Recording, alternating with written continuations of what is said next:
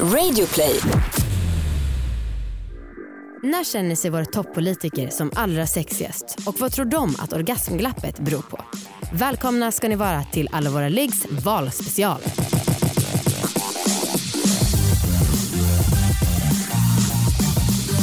Hallå allihopa och välkomna ska ni vara till succépodden Alla våra ligg.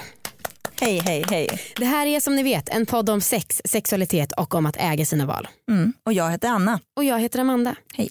Och nu är det så här att valrörelsen är i full gång. Överallt på stan ser man ganska intetsägande affischer om att det är viktigt med vård, skola, trygghet. Det här är såklart jätteviktiga frågor, kanske livets viktigaste. Men för att bredda debatten så har vi velat prata med politikerna om något som ni ofta frågar oss om och något som är en av våra hjärtefrågor. Nämligen det här med orgasmglappet. För det är så att eh, enligt en amerikansk studie så kommer män vid 95% av liggen när det är heterosexuellt sex på gång. Kvinnor kommer bara vid 65% av liggen. Och man kan tänka så här, vad fan har det här med politik att göra? Och det här handlar ju bara om några sekunder av muskelsammandragningar. Så är det såklart, men vi tror att det är ett resultat av något mycket större. Normer, könsroller, sexualkunskap och stereotyper. Ja, och framförallt så påverkar det ju mycket kvinnor väldigt mycket mm. i livet. Mm. Eh, vi har valt att bjuda in representanter från alla riksdagspartier om, för att prata om det här. Och vi kan bara säga att eh, vi har fått med oss alla riksdagspartier förutom Moderaterna och Sverigedemokraterna som tyvärr drog sig ut när de fick eh, frågorna av oss. Mm.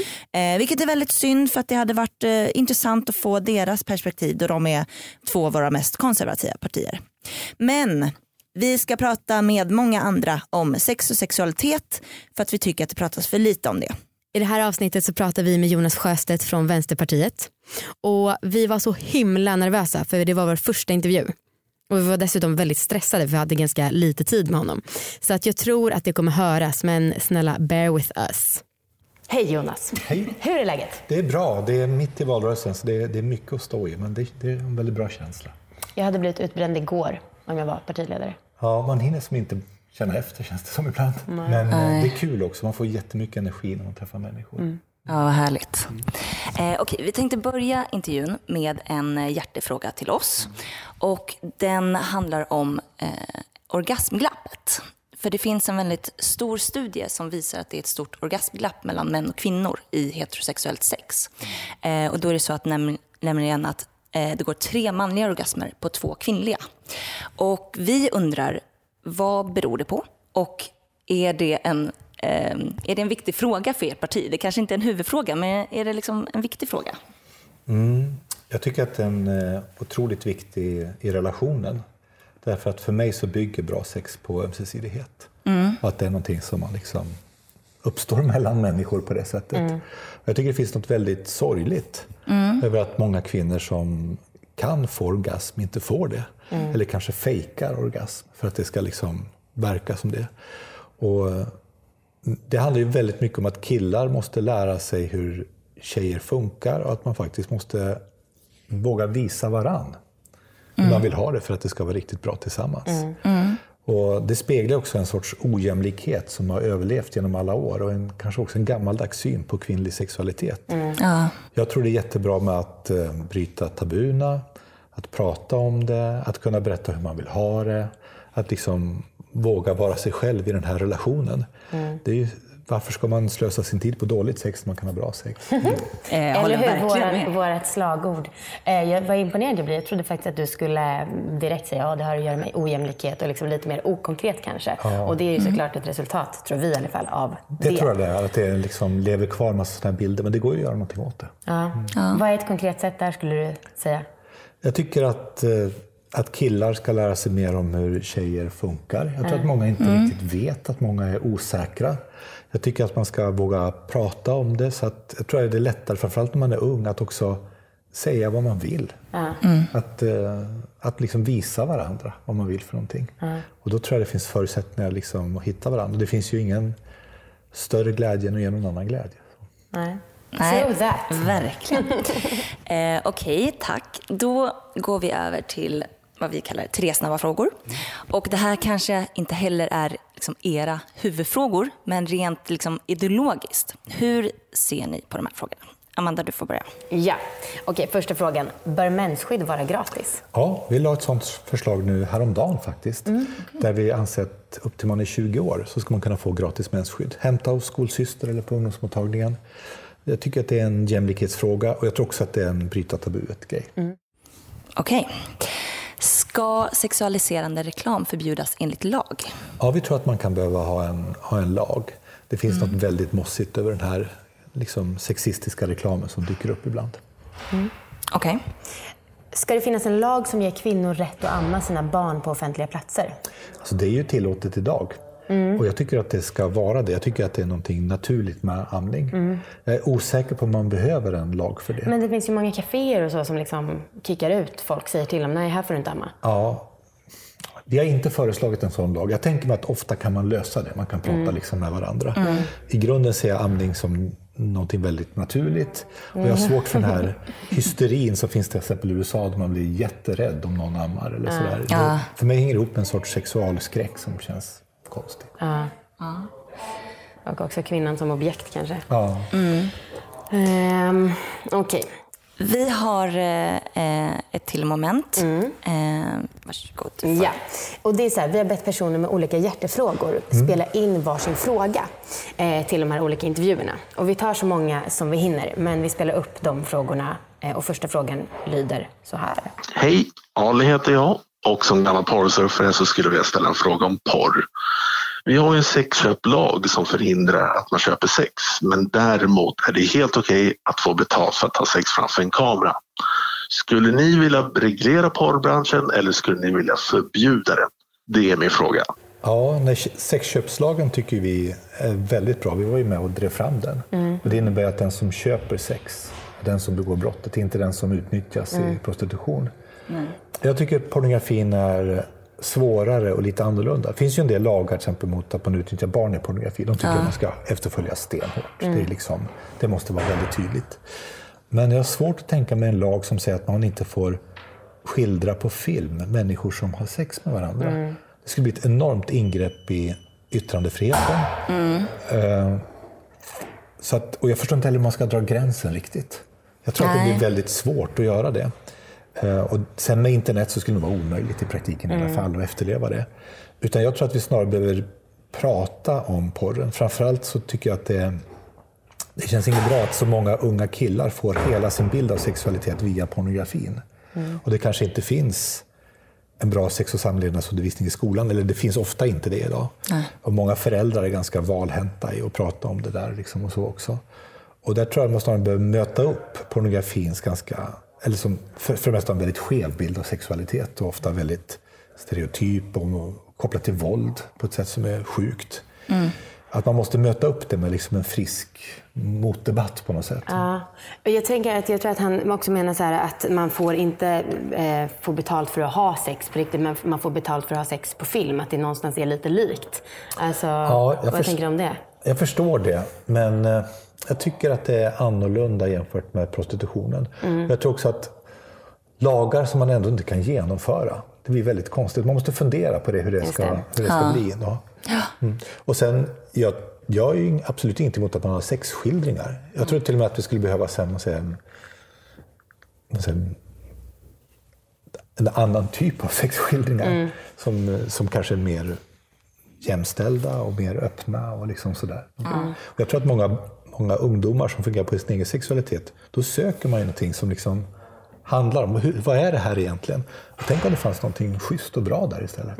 Ja, gud. Det finns ju, men det kanske är lite mer svåråtkomligt. Ja, det, är, det är inte det första man hittar tror jag. Nej, nej. Gud, nej.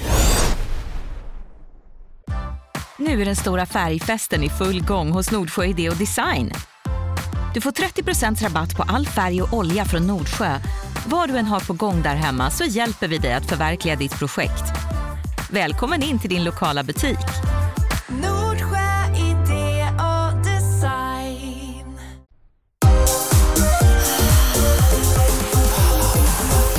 Vi tar nästa fråga. Hej, Johanna här. Jag har precis börjat åttan och min fråga till er är hur ni tänker utveckla sexualkunskapen.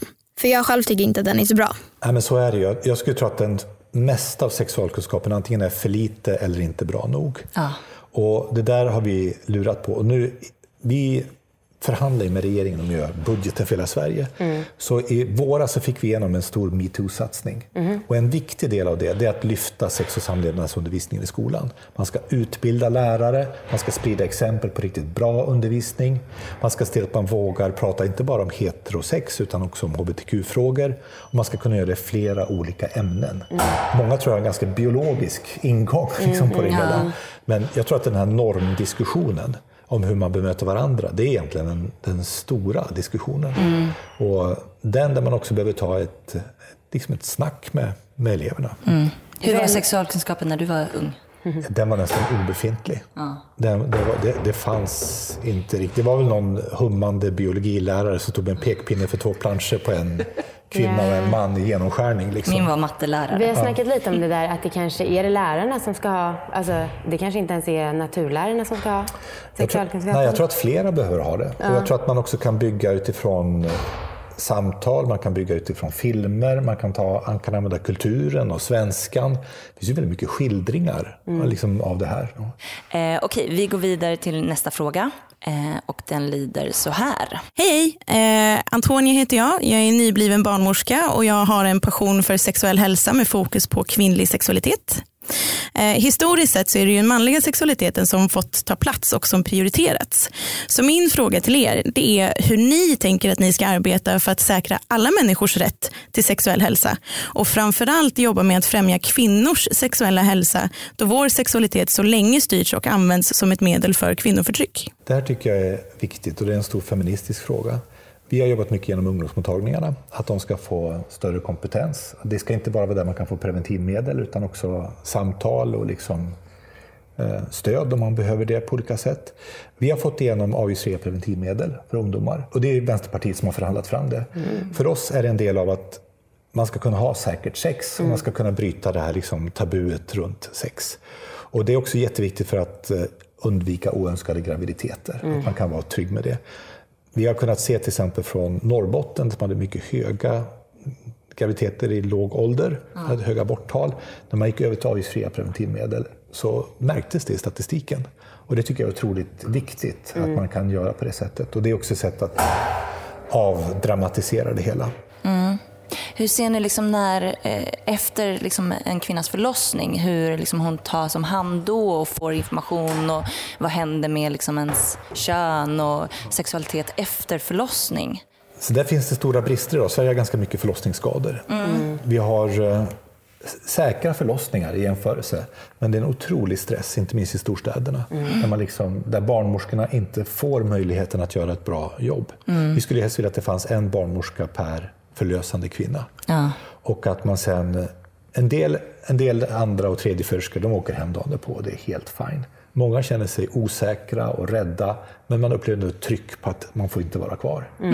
Och det där är inte bra. Jag tror det är så, så viktigt när man ska komma igång med amning och massa andra saker också, att man, att man faktiskt har tid. Och så är det inte idag på grund av platsbristen. Så det måste vi, måste vi bygga ut. Och sen, sen är vi ett parti som försvarar aborträtten. Vi gör det i Sverige, vi gör det internationellt. Vi jobbar till exempel mycket med den polska vänstern som heter Razem. Vi, vi kanske inte behöver ta den frågan. Vi har en fråga om abort också. Jag vet att du och Jimmy Åkesson var i någon eh, debatt och det handlade om att de ville sänka abortgränsen. Och du sa någonting om att ni vill inskränka kvinnor, kvinnors rättigheter och han sa att det vill ju du med eftersom att det ändå finns en gräns när det är 18 veckor. Ehm, Ja, det finns en biologisk gräns, det är ju helt naturligt. Ja. Men att vilja inskränka aborträtten utöver det. Sen ska man veta att de sena aborterna, de är väldigt få. Och de har ofta väldigt starka särskilda skäl för att göra det. Det kan handla om hälsa, det kan handla om väldigt speciella sociala situationer. Så jag tycker det skulle vara en väldigt grym politik att ting- tvinga de kvinnorna att föda ett barn när Ja, det inte jo. finns förutsättningar. Ja, det kan ju vi verkligen med. Det tycker ju verkligen vi med. Men ehm, jag tänkte på, alltså, som vi förstått det i nuläget, om en kvinna föder ett barn och man inte är gift med mannen så får man ensam vårdnad. Men borde det kanske inte finnas också ett så här, ansvar som inte bara handlar om ekonomiskt underhåll, även för mannen då som är den biologiska fa- fadern? Ja, man gör ju en sån här, som det heter, då, faderskapspresumtion. Eh, det får man. Sen är det ju så att det är, det är svårt att tvinga män till någonting annat än att liksom betala för sig, så att säga. Men jag tycker också att den lagstiftningen speglar jag tycker det är självklart, sätter man barn till världen ska man ta ansvar för dem. Det är ju liksom givet, någonting som kvinnan inte kan sä- säga nej till, men många män har gjort genom åren. Men det är också så att våra familjer ser ut på ett helt annat sätt. Många har idag tre eller fyra föräldrar. Och det tycker jag man ska erkänna och säga att man kan ha tre eller fyra vårdnadshavare. Så kan man faktiskt ha fler föräldrar som säger att jag är din vårdnadshavare, jag tänker ta ansvar för dig, du är en del av min familj. Det är i grunden någonting väldigt bra. Det handlar ju både om par som inte är samkönade, men det handlar också om folk som gifter sig och skiljer sig och liksom får relationer på något sätt. Och vår lagstiftning hänger inte med i det Nej. där. Många kan faktiskt ha två papper som älskar dem och som vill liksom att de ska vara en del av deras liv. Och så. Om vi får så vill jag gärna avsluta med en lite mer personlig fråga. Ja, det. Och det är, när känner du dig sexig? Nej, men det gör jag tillsammans med min fru, när vi är tillsammans. Oh, ändå Härligt. personligt svar. Ja, det är så. Personligt och bra svar. Jag trodde att du skulle säga någonting så här i stil med när jag debatterar. Nej, det förknippar inte jag med sex. Nej, nej det är sant. Men inte. sexet kan ju inte vara så just det här som har att göra med kåthet och så. Men man har ju hört att man ska föreställa sin publik naken. Det. Nej, det, det brukar jag aldrig göra faktiskt. Nej, nej, det, nej det är för mig är det någonting annat. För mig häng, hänger det ihop med min med kärleken till han. Ja. Mm, det gör det. Fint. Okej, där var intervjun avslutad. Hoppas att ni gillar den. Vi vill bara uppmuntra alla er att gå och rösta den 9 september. Gör det, det är viktigt. Rösta. Rösta. Rösta. Man skäms så mycket när man är den enda som gör sådär. Hej då.